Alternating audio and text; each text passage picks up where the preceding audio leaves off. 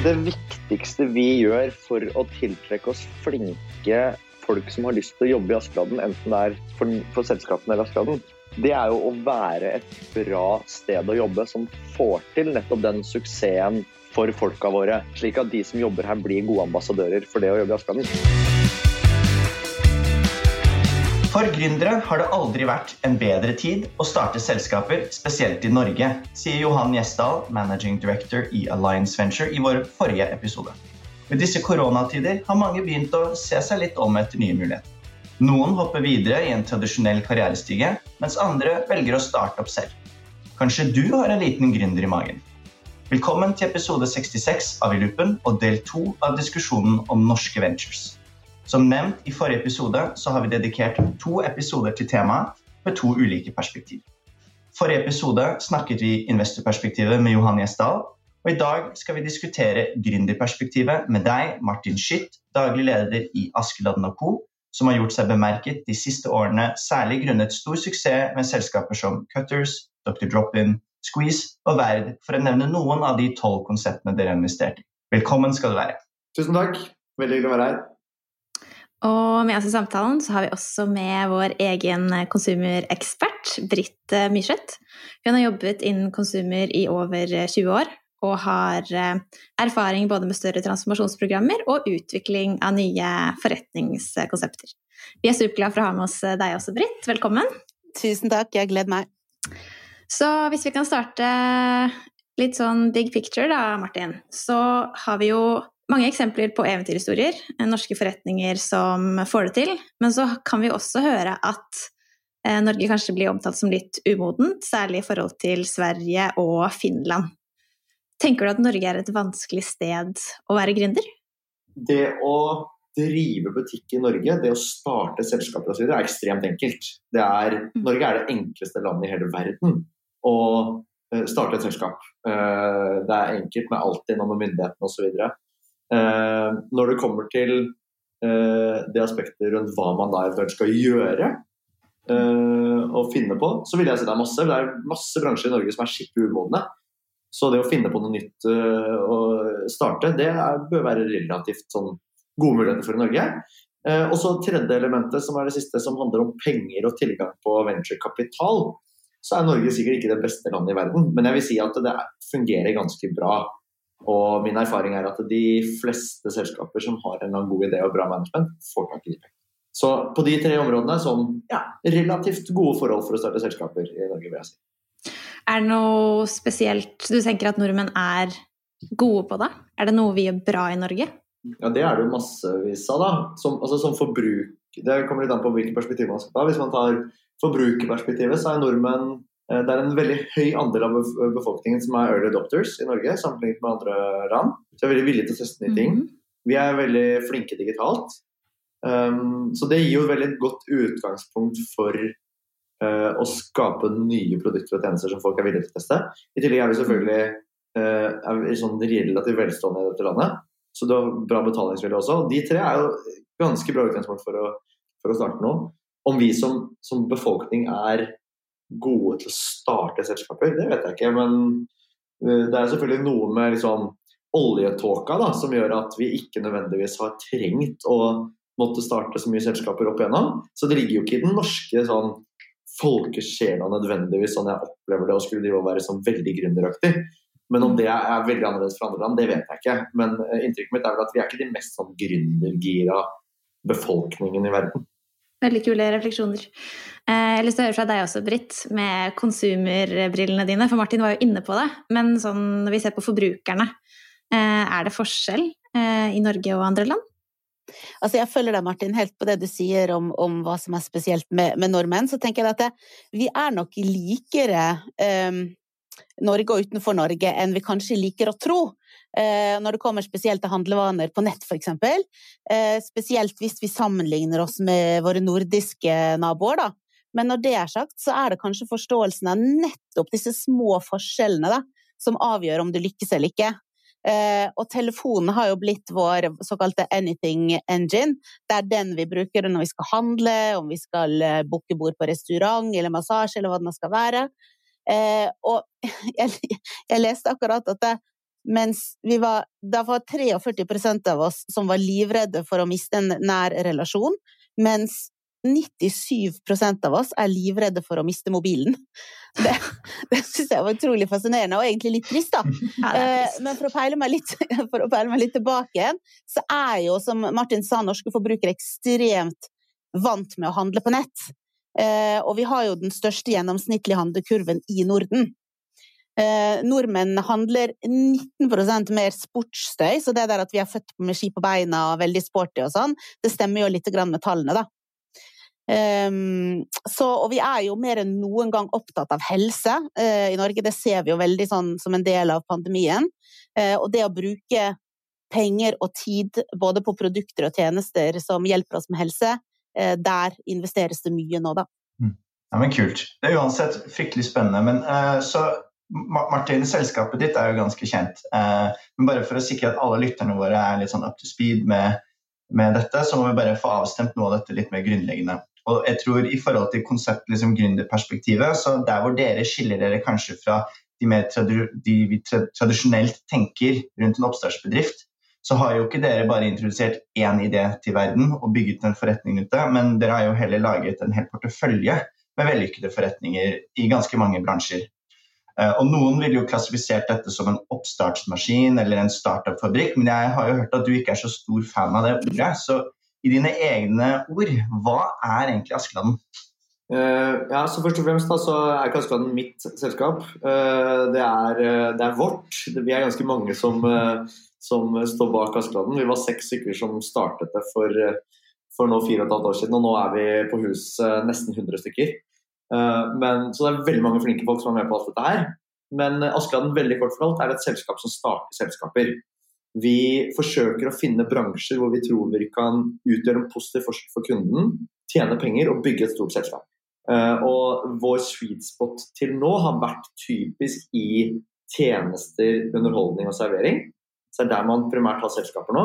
Begynner å bevege oss litt inn i B2B-tjenester, men fram til det har det vært liksom, primært B2C alt dette her. Og um, veldig enkel måten vi jobber på er bare vi prøver å finne disse mulighetene. Når vi har det, så prøver vi å finne en, en, en fyr eller dame som har lyst til å være sjef for dette her. Headhunte en kjempebra person. Og så hjelper vi den personen å lykkes med det å utvikle et konsept som passer bra til bransjen, og lage et svært selskap. Ville du sagt liksom på en måte er, er liksom formålet med Askeladden å på en måte lette for andre til å starte sine gründerdrømmer? Eller liksom, hva ville du sagt er liksom, hva er liksom purpose, sånn kort oppsummert da, i, uh, i, i, visjonen, i, din? Ja. Nei, så um, Jeg tror det er, det er, to ting. Da. Det handler om folk og selskaper. Så, um, og det er litt sånn tilbake til hvor er det Askeladden kommer fra. Jo, uh, Askeladden er jo tuftet på ideen Nei, eller er tuftet på egentlig måten vi jobbet med Cutters. fordi det er en del av de som var med å starte Askeladden som hadde investert i Cutters veldig veldig tidlig. Så Cutters kom jo før Askeladden. Det er ikke vi som har startet Cutters. Og så ble vi veldig inspirert av både hva de hadde fått til og måten vi jobbet med dem. Vi var seks stykker som hjalp de med tech og marketing og research og osv. Og, og så at det var en veldig effektiv samarbeidsmetode. Så det er liksom tanken rundt at det går an å gjøre i flere bransjer systematisk, det er den ene tanken som går inn i Askeladden. Og den andre tanken som går inn i Askeladden, det er det som handler om folka. Og det er sånn at I Norge så er det sånn at jo høyere utdannelse du har, jo lavere sannsynlighet er det for at du starter et selskap. Og Det gir veldig mening fra individperspektivet, fordi hvis du har høy utdannelse, så har du mest sannsynlig høyere, tryggere, høyere eh, lønn, tryggere jobb. Altså, det er skumlere å skulle hoppe ut fra det å starte et selskap. Eh, men fra et samfunnsperspektiv kanskje ikke like lurt. At eh, de mest velutdannede, hvis man skulle tro på at de var litt, kanskje bitte litt mer hardtarbeidende, kanskje bitte litt smartere, så er det veldig dumt hvis de ikke starter selskap. Så Derfor prøver vi Askeladden å være et sted hvor folk kan komme inn og være, enten bli gründer eller være eksponert for en gründerreise uten å påta seg den risikoen som man vanligvis gjør hvis man gjør det helt på egen hånd. Um, så, så, Det er liksom det andre elementet. så Kort oppsummert så er liksom Askeladden sin uh, misjon er å, å, maksimere suksessen for de folka som er hos oss, ved å bygge veldig bra selskaper. Jeg må bare stille oppfølgingsspørsmål der. fordi du sier jo at det dere da gjør i Askeladden, er jo å redusere risikoen for eh, disse da nye daglige lederne, de som leder konseptene deres. Men du måtte jo ta en kjempestor risiko da du gikk ut av McKinsey. Fordi da startet jo dere dette Altså, da var jo du en gründer som ikke hadde de rammene som dere nå gir til andre i Askeladden. Hva var det som fikk deg til å tørre å ta det steget? Nei, så Svaret på det tror jeg krever å se litt lenger tilbake i tid også. For jeg har vært liksom gründer hele livet. Og Mm. alt fra da jeg var liten kjøpte og solgte mobiltelefoner og klokker og PC-er og sykler og alt mulig rart. Og fiksa og solgte videre. og alt. Har alltid drevet med sånn prosjekter for å drive butikk. Alltid syntes det har vært supermorsomt. Og så etter hvert som jeg begynte på videregående, så startet jeg en nettbutikk sammen med en kompis eh, for å finansiere russetiden.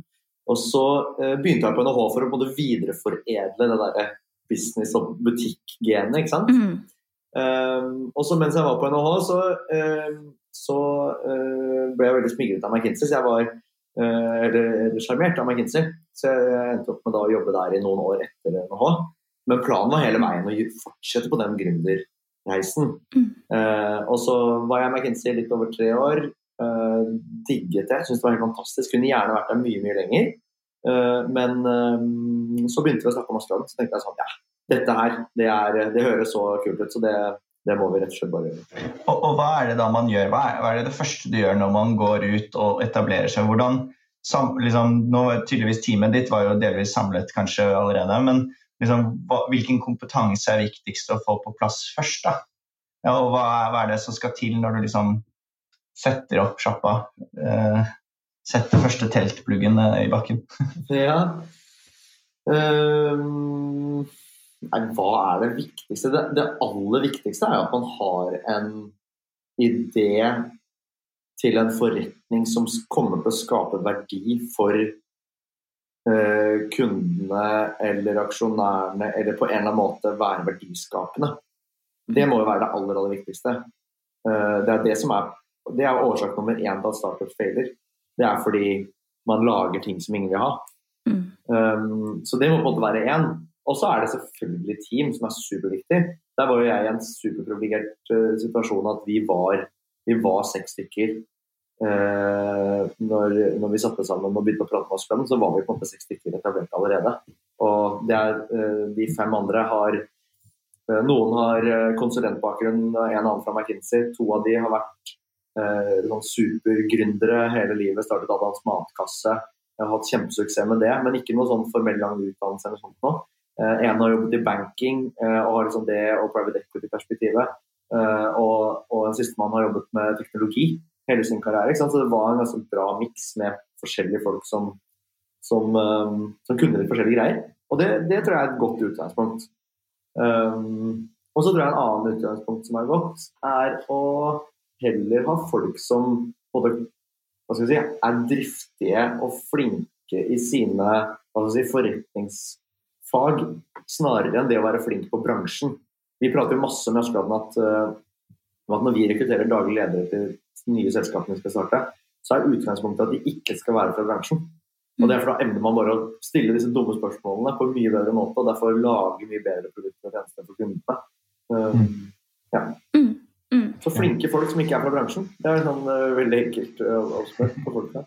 Vi skal eh, komme tilbake til dette med ansettelsen av flinke folk, og sånt, for det er jo uhyre spennende med, så, med det temaet. Men bare for å da runde av litt den oppstarten der, liksom, var det vanskelig da å forklare konseptet for investorer? Altså Dere har jo investorer i ryggen, dere òg. Hvordan, hvordan var det første gang å stå der og, og forklare noe som ikke fantes helt Nei, så vi, vi, vi hadde ingen investorer liggende fra starten. Vi var, uh, vi var på en måte våre egne investorer. Og det er også vi fortsatt som er hovedinvestorene i selskapene som starter. Så er det er vi som, som, har, um, som er på det, har den aller, aller første kapitalen.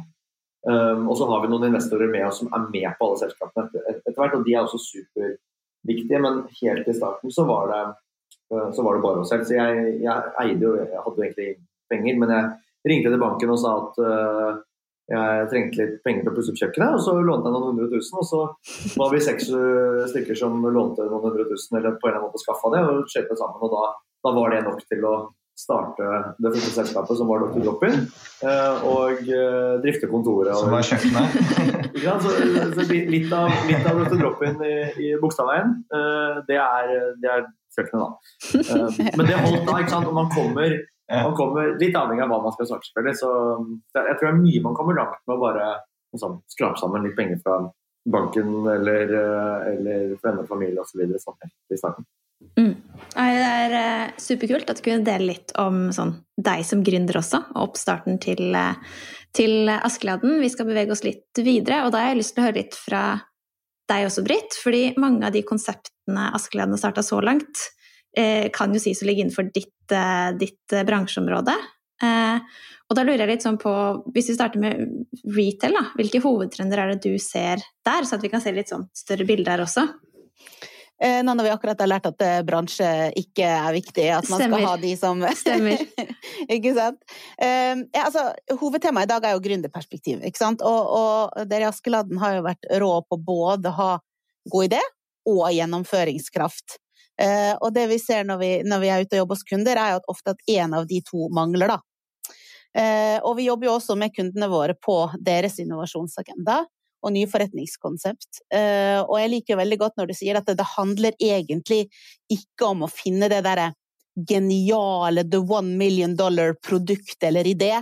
Det handler faktisk om å løse et behov, da, noe som kunden vil ha og er villig til å betale for. Eh, for det er litt, sånn, litt annet mindset, faktisk, da. Eh, og innenfor retail så har man jo i mange år jobbet med kundereisene, og det er om å kartlegge friksjonspunktene og finne liksom hva er egentlig sannhetens øyeblikk, og gjøre noe med det, da. Og den jobben er jo definitivt uh, ikke ferdig, uh, i ganske mange bransjer, faktisk. Um, og bare for, for å være liksom helt tydelig i forhold til uh, pandemien vi står oppi, så har jo ikke den gått inn og disrupta handelen. Den har jo egentlig bare uh, ført med seg at de kjente endringene som vi så uh, komme, de har kommet raskere og med mye, mye større kraft. men hvis jeg skulle trekke de kanskje to-tre viktigste trendene som vi ser innen konsumerbransjen da, i forhold til investering, så er det jo først og fremst dette her med purpose. Eh, bærekraft og behovet som man har liksom i forhold til å connecte og identifisere seg med selskapet som du enten kjøper produktet eller tjeneste for. Da. At du har definert for deg selv ok, hvorfor fins jeg? Hvilket behov er det jeg løser på en helt unik måte? da? Eh, vet de ansatte det? Vet kundene mine det? Vet samarbeidspartnerne mine det? Eh, og nummer to så er det jo dette her med altså miksen mellom det fysiske og digitale, da. Eh, for butikken, den fysiske butikken er jo overhodet ikke død. Det er mange som spekulerer i det. Spesielt nå når vi har blitt så gode til å handle på nett eh, under pandemien.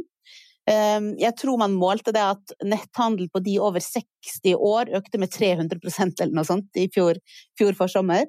Men den fysiske butikken har definitivt en rolle å spille. Kanskje har den endret seg litt.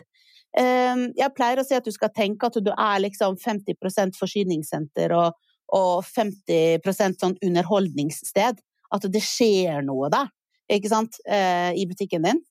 Eh, og det tredje som vi ser at det investeres ekstremt mye i nå, det er jo helse. Det er jo liksom the next battlefield.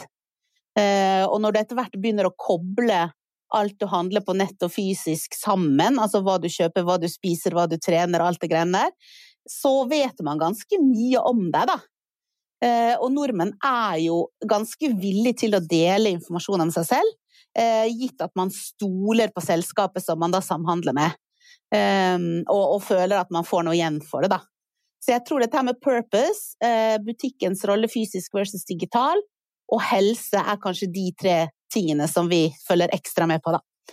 Og så tenker jeg liksom der, bare for å avslutte litt der, så er det liksom et produkt Ethvert produkt er jo litt sånn en tjeneste waiting to happen. Uh, og det er der vi ser mange av konseptene som kommer nå. ikke sant? Vi er villige til å betale for tjenester. Jeg har bare et spørsmål i forbindelse med trend nummer to rundt liksom fysiske og digitale. Altså, vi i Askeland har jo, eh, Da vi starta, så var det jo sånn at uh, hvis du skulle starte et selskap, så måtte det være blockchain, AI, machine learning, et eller annet sånn superdigitalt. Og så har vårt push hele tiden vært at hør her, 95 eh, av alle ting og klær handles faktisk fortsatt i den fysiske verden. Mm. Uh, så uh, spørsmålet liksom, hva er, hva er Deloitte-perspektivet på hvor urgent den der digitale delen av det er? Fordi vi, vi pusher jo det fysiske fortsatt. Mm. Vi sier liksom hei, hei, stopp, stopp, stopp. Ikke, det er ikke så jævla viktig med det digitale som folk skulle tro. Mm. Det er faktisk minst like viktig å være god fysisk. Ja. Eh, det jeg tenker er at det er jo veldig avhengig av hvem kundene dine er, da. Eh? For det er jo noen konsepter hvor man, man, ønsker å på en måte være fysisk, ta på og kjenne, og man trenger liksom den derre eh, si, personlige følelsen og personlige kundereisen. Eh, og så ja, man kan gjøre masse av det også med kunstig intelligens osv. Eh, men så er det et eller annet med at teknologien det er jo bare et verktøy, en enabler, da. Eh, så det er jo ikke teknologien for teknologiens skyld. Eh, men det teknologien kan hjelpe deg med, det er jo å få innsikt. Sånn at du kan betjene og kommunisere med kunden din akkurat på det behovet. Mm. Eh, sånn at det ikke blir litt sånn der brannslangekommunikasjon, på en måte. Eh, så, så, tenk på det liksom i forhold til hva er det du trenger å være god på for å kjenne kunden din godt. Og så kan du investere hvor mye som helst på en måte i teknologi, men det er ofte ikke verdt det, da. Jeg tror også det du, du har kommentert Jeg føler du, i hvert fall du har kommentert tidligere, Britt, var jo dette om altså liksom Teknologien er jo også på en måte en måte å enhance experiencen f.eks. i butikk. da, Denne mm. omnikanal-opplevelsen. At det skal ikke være enten-eller eller en, en, på en måte en uh, liksom transition opp til digital. Det handler om å ha en omnikanal eh, experience hvor du både har det fysiske og det digitale hånd i hånd. Um, Mm, helt, helt, enig. Og så tenker jeg at Dette handler jo bare om at det, altså hvis vi tenker på oss selv, da, når vi er kunder og forbrukere, vi, hva er det vi ønsker? Vi ønsker måte å bli gjenkjent, vi ønsker å føre oss viktige, og vi ønsker å ha en relevant kommunikasjon og et relevant tilbud. ikke sant? Og så får du plukke den teknologien som gir deg det, da. Mm. Og så er det jo kun interessant for meg å være relevant, øh, eller få relevant kommunikasjon hvis grunnproduktet og grunntjenesten er god. Absolutt. Det er vel det jeg opplever en litt sånn miskommunikasjon på. Jeg tror Din kommentar Alex, er jo god, fordi mm. det du selger i bunn, må, være, må, på en måte være bra. Og så kan du på en måte sprinkle med mm. gode digitale løsninger. Yes. Men det funker ikke hvis det er andre vei rundt. Jeg opplever at det er ganske mange som starter med sprinkler ja. før de begynner å lage, finne ut av hva kaka skal være. Mm. Du må både finne ut av hva kaka skal være først, før du legger på frostingen. På. Mm.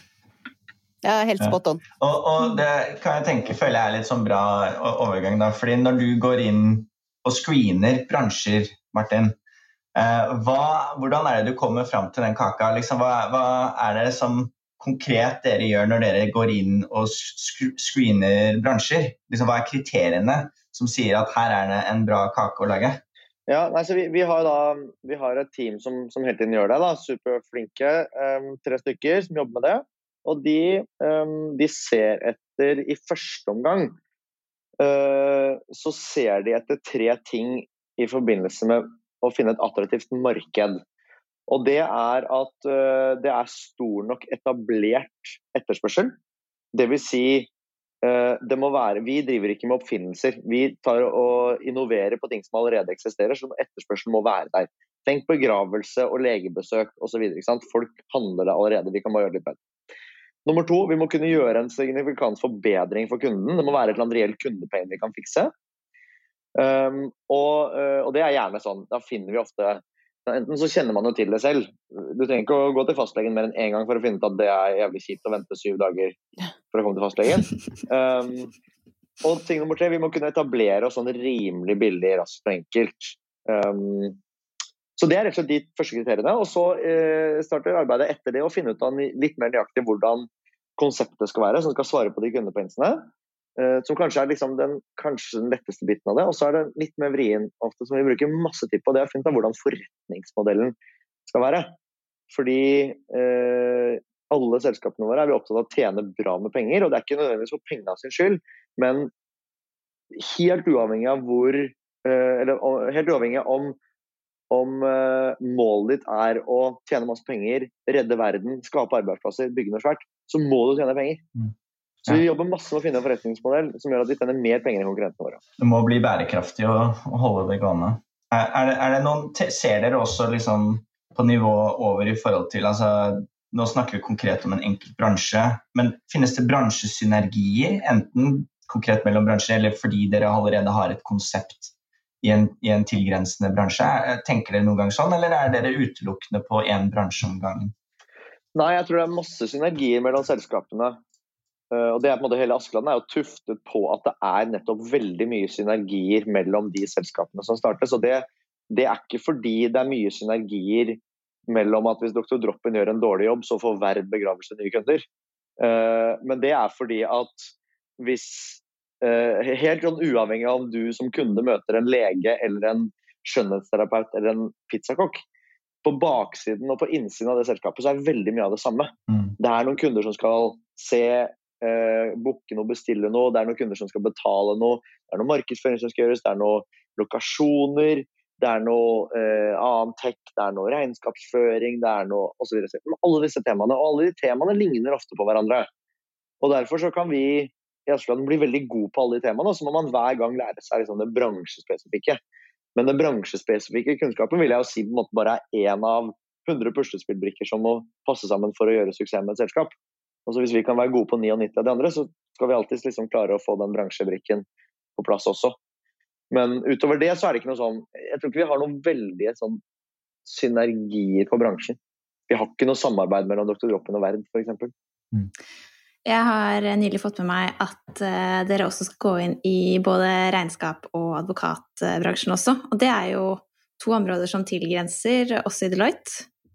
Uh, så jeg lurer på litt sånn stort og fluffy, hva med konsulent bransjen? Er det en bransje du kunne disrupted? Eller dere kunne disrupted? Ja, ikke sant?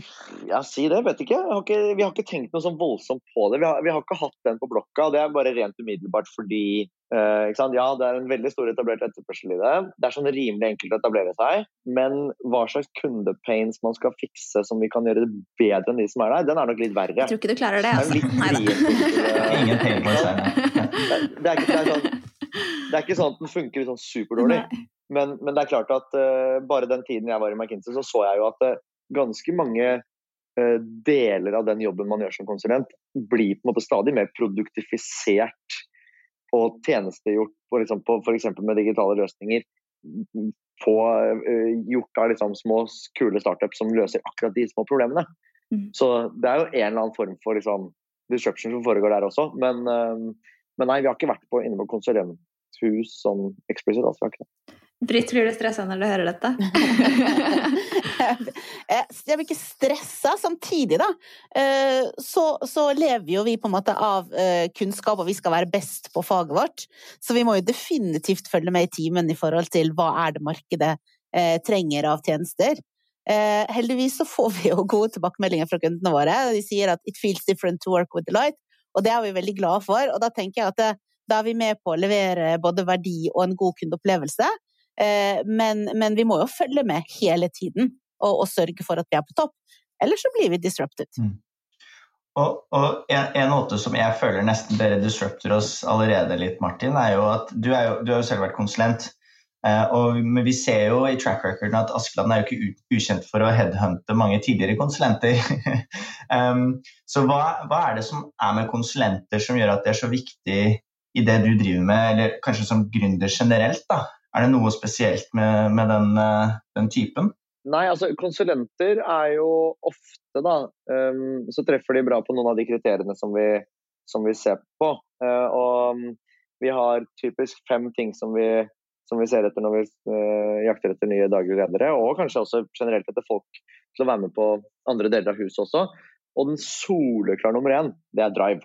Evnen og viljen til å jobbe hardt, gi jernet en av Askeladden sine tre kjerneverdier er eh, det å gi bånn gass. Så det å kunne gjøre det. Um, så, så, det er den ene. Uh, det er en, nummer to er med å, det å ha kommersielle evner. Klare å forstå hva som driver og skaper verdi. Det har man også ofte hvis man jobber som, uh, som forretningskonsulent. Um, det er noe med det å ha eventyrlyst og ambisjoner og lyst til å dra ut på et eventyr og bygge noe svært.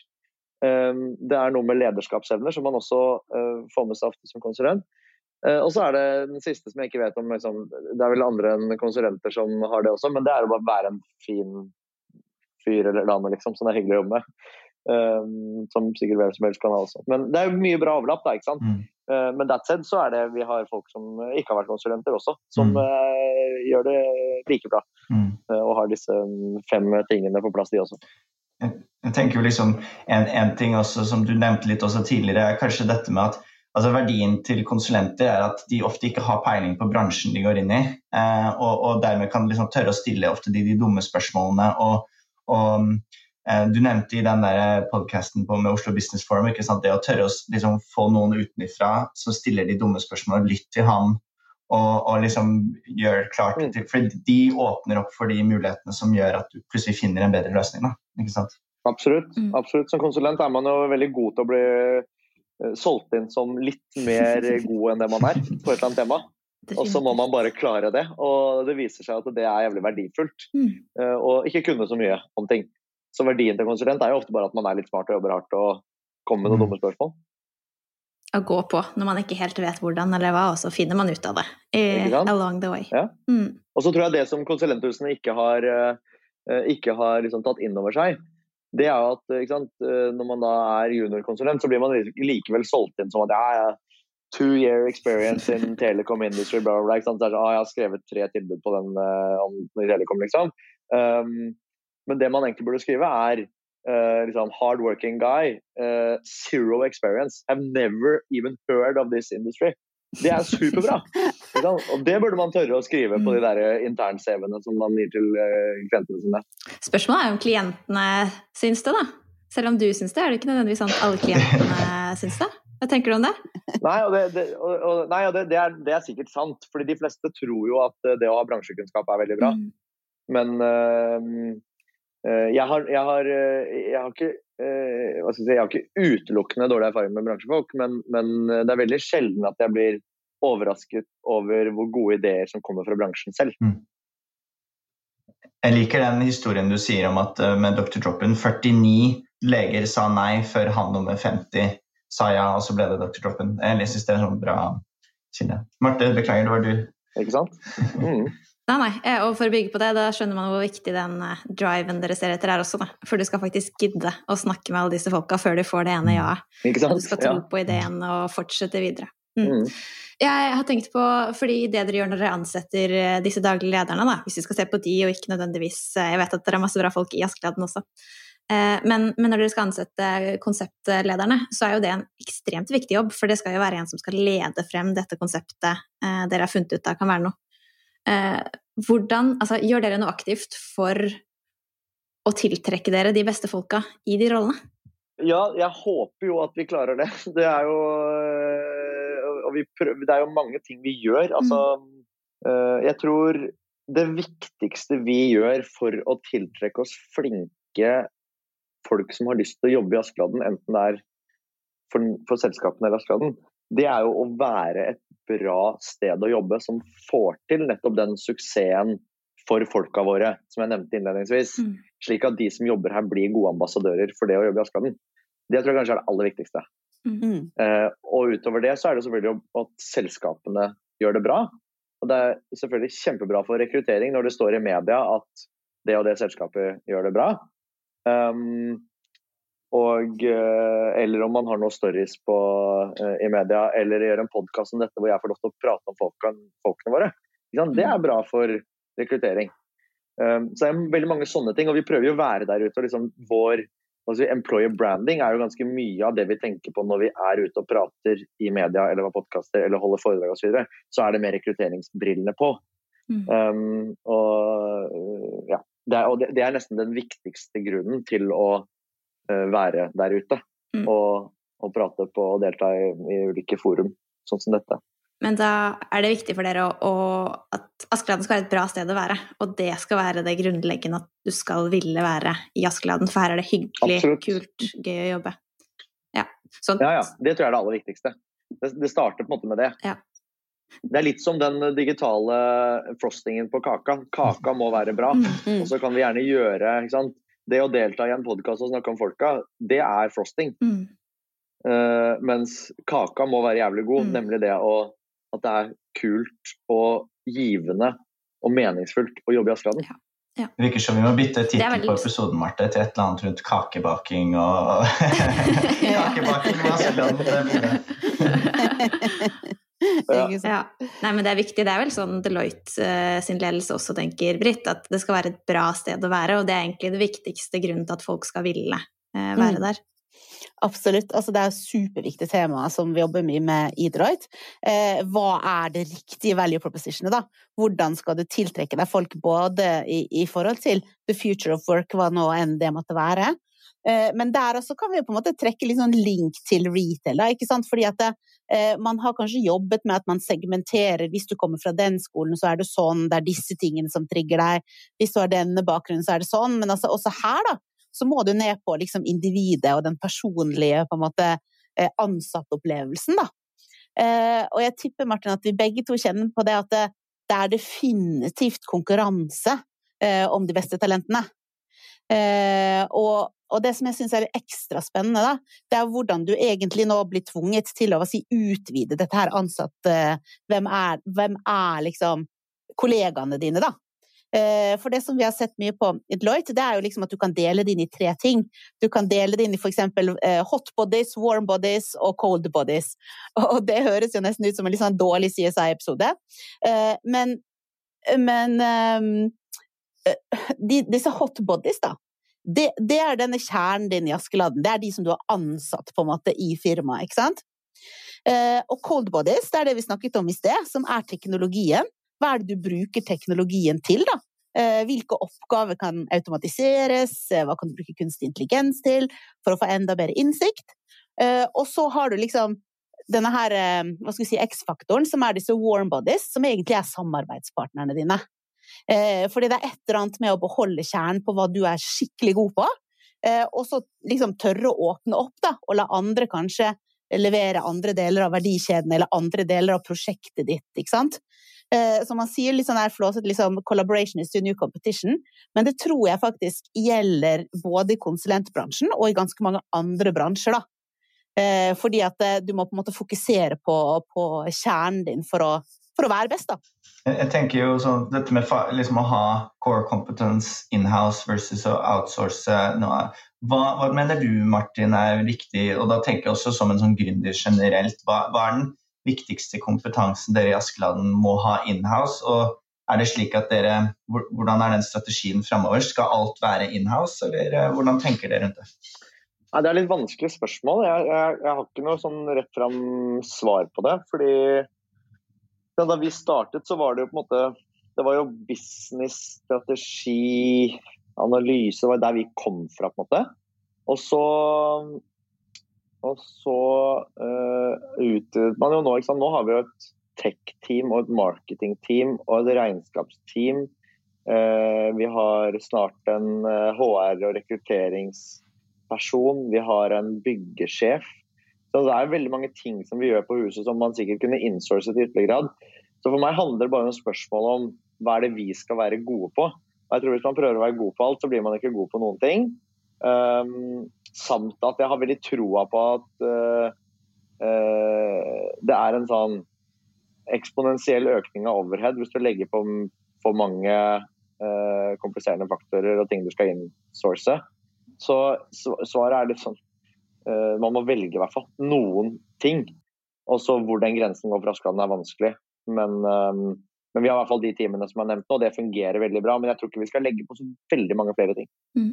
Britt, har du noen perspektiver på det? Som hva, hva er kriteriene for hva som burde være in-house, out-house? Har vi noe, noen tanker? Det er vel ikke noe fasitsvar sånn sett, da, men, men, jeg tenker jo at det, det, går igjen tilbake til purpose. da, Hvorfor finnes du? Hva er det du skal på en måte løse, og hva løser du bedre enn andre? Eh, og på en måte være trygg på kjernen din, da, og forsterke den. Eh, og så tør da å samarbeide med andre på det som de gjør bedre enn deg. For du må ikke være verdensmester på alt. Mm. Det går ikke.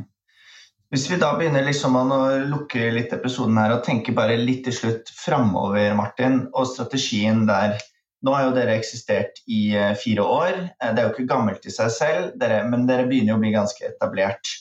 Eh, føler du at rollen din i markedet har endret seg? Og ser du for deg noen form for videreutvikling enten av Askeladden eller av konseptene dine, hvis vi ser framover? Hva, hva, liksom, hva, er på ditt roadmap de neste 6-12 månedene?